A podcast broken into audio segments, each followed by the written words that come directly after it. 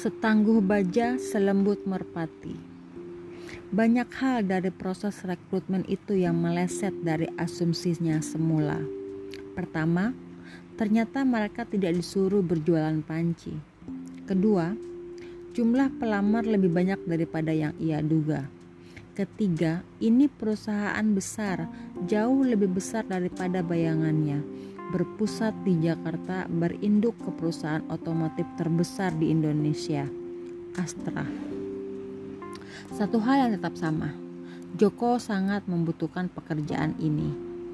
Ketika istrinya diterima sebagai calon pegawai negara sipil, mereka berdua tahu bahwa peluang itu tidak boleh disia-siakan.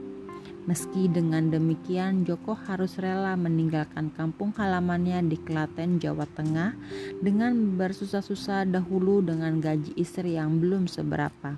Joko harus mendapatkan pekerjaan. Seminggu lalu, pelesirnya ke duta mall menghasilkan panggilan wawancara ini.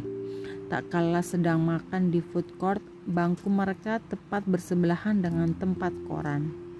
Stan kayu berisi aneka surat kabar yang bisa dibaca gratis oleh pengunjung. Koran yang Joko baca sudah berumur dua hari. Seperti biasa, ia langsung menyasar ke halaman lowongan kerja. Di situlah ia temukan tulisan Lembaga Pengembangan Bisnis. Kata pengembangan bisnis seketika menautkannya dengan pekerjaan sales door to door sudah beberapa kali Joko menemukan lowongan pekerjaan dengan kata-kata pancingan semacam itu. Ujung-ujungnya berjualan panci, pikirnya. Berjualan panci tentunya tidak berhubungan dengan latar belakang pendidikannya sebagai sarjana pertanian. Terakhir sebelum pindah ke Kalimantan, Joko bekerja sebagai pengawas penyemaian kedelai merangkap mandor bangunan. Ia dan istri kadang berjualan makanan untuk menambah penghasilan. Tapi setiap lowongan adalah kesempatan. Jual panci pun tidak mengapa, pikirnya. Yang penting halal dan ada pemasukan. Tapi pikir panjang Joko segera mendatar.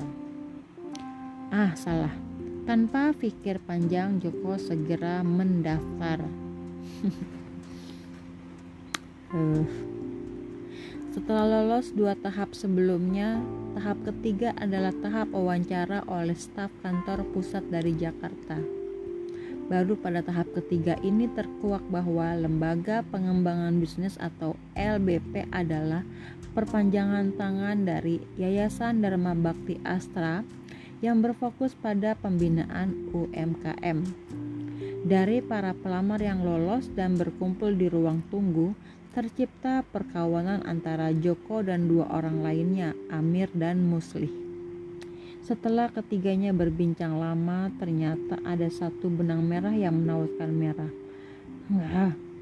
Setelah ketiganya berbincang lama, ternyata ada satu benang merah yang menautkan mereka, yakni sama-sama terpepet ekonomi dan butuh pekerjaan. Di pojok ruangan ketiganya bersama-sama mengisi formulir kuesioner. Amir berhenti di kolom permintaan gaji. Jok, aku baiknya minta berapa ya? Joko melihat ke sekeliling. Sebentar, ia lalu beranjak pergi. Tak lama Joko kembali. Banyak yang menulis 5 juta, malah ada yang nekat minta 7 juta, bisik Joko. Nama Asra tampaknya melonjakkan ekspektasi banyak orang. Kita jangan minta tinggi-tinggi, Mir. Pokoknya biar kita menembus dulu. Kalau kita kerjaannya rajin sedikit-sedikit baru minta naik, jangan minta tinggi di depan. Berdasarkan strategi itu, ketiganya menuliskan angka yang paling rendah dibandingkan yang lainnya, dua setengah juta. Ketika hasil seleksi diumumkan, ada tiga nama yang lolos ke tahap selanjutnya, Musli, Amir, dan Joko. Malamnya Amir bertelepon dengan Joko. Jok, kayaknya harga kita kemurahan.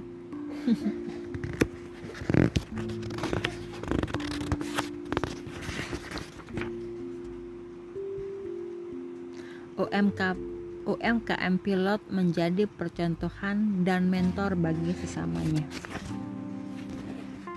Kalau sekedar mengejar status dan uang, kami pasti tidak bertahan. Kami bisa bertahan berkat dari doa para petani. Kalau LBP cuma kasih dana, hubungan kami pasti transaksional. Transaksional. Tapi yang kami beri adalah ilmu dan pendampingan. Kami jadi lebih seperti teman, bahkan keluarga. Ya. Petani komunitas punya posisi tawar lebih tinggi, bisa menjual dengan harga lebih tinggi, dan punya pengetahuan keuangan. Mereka biasanya lebih sejahtera.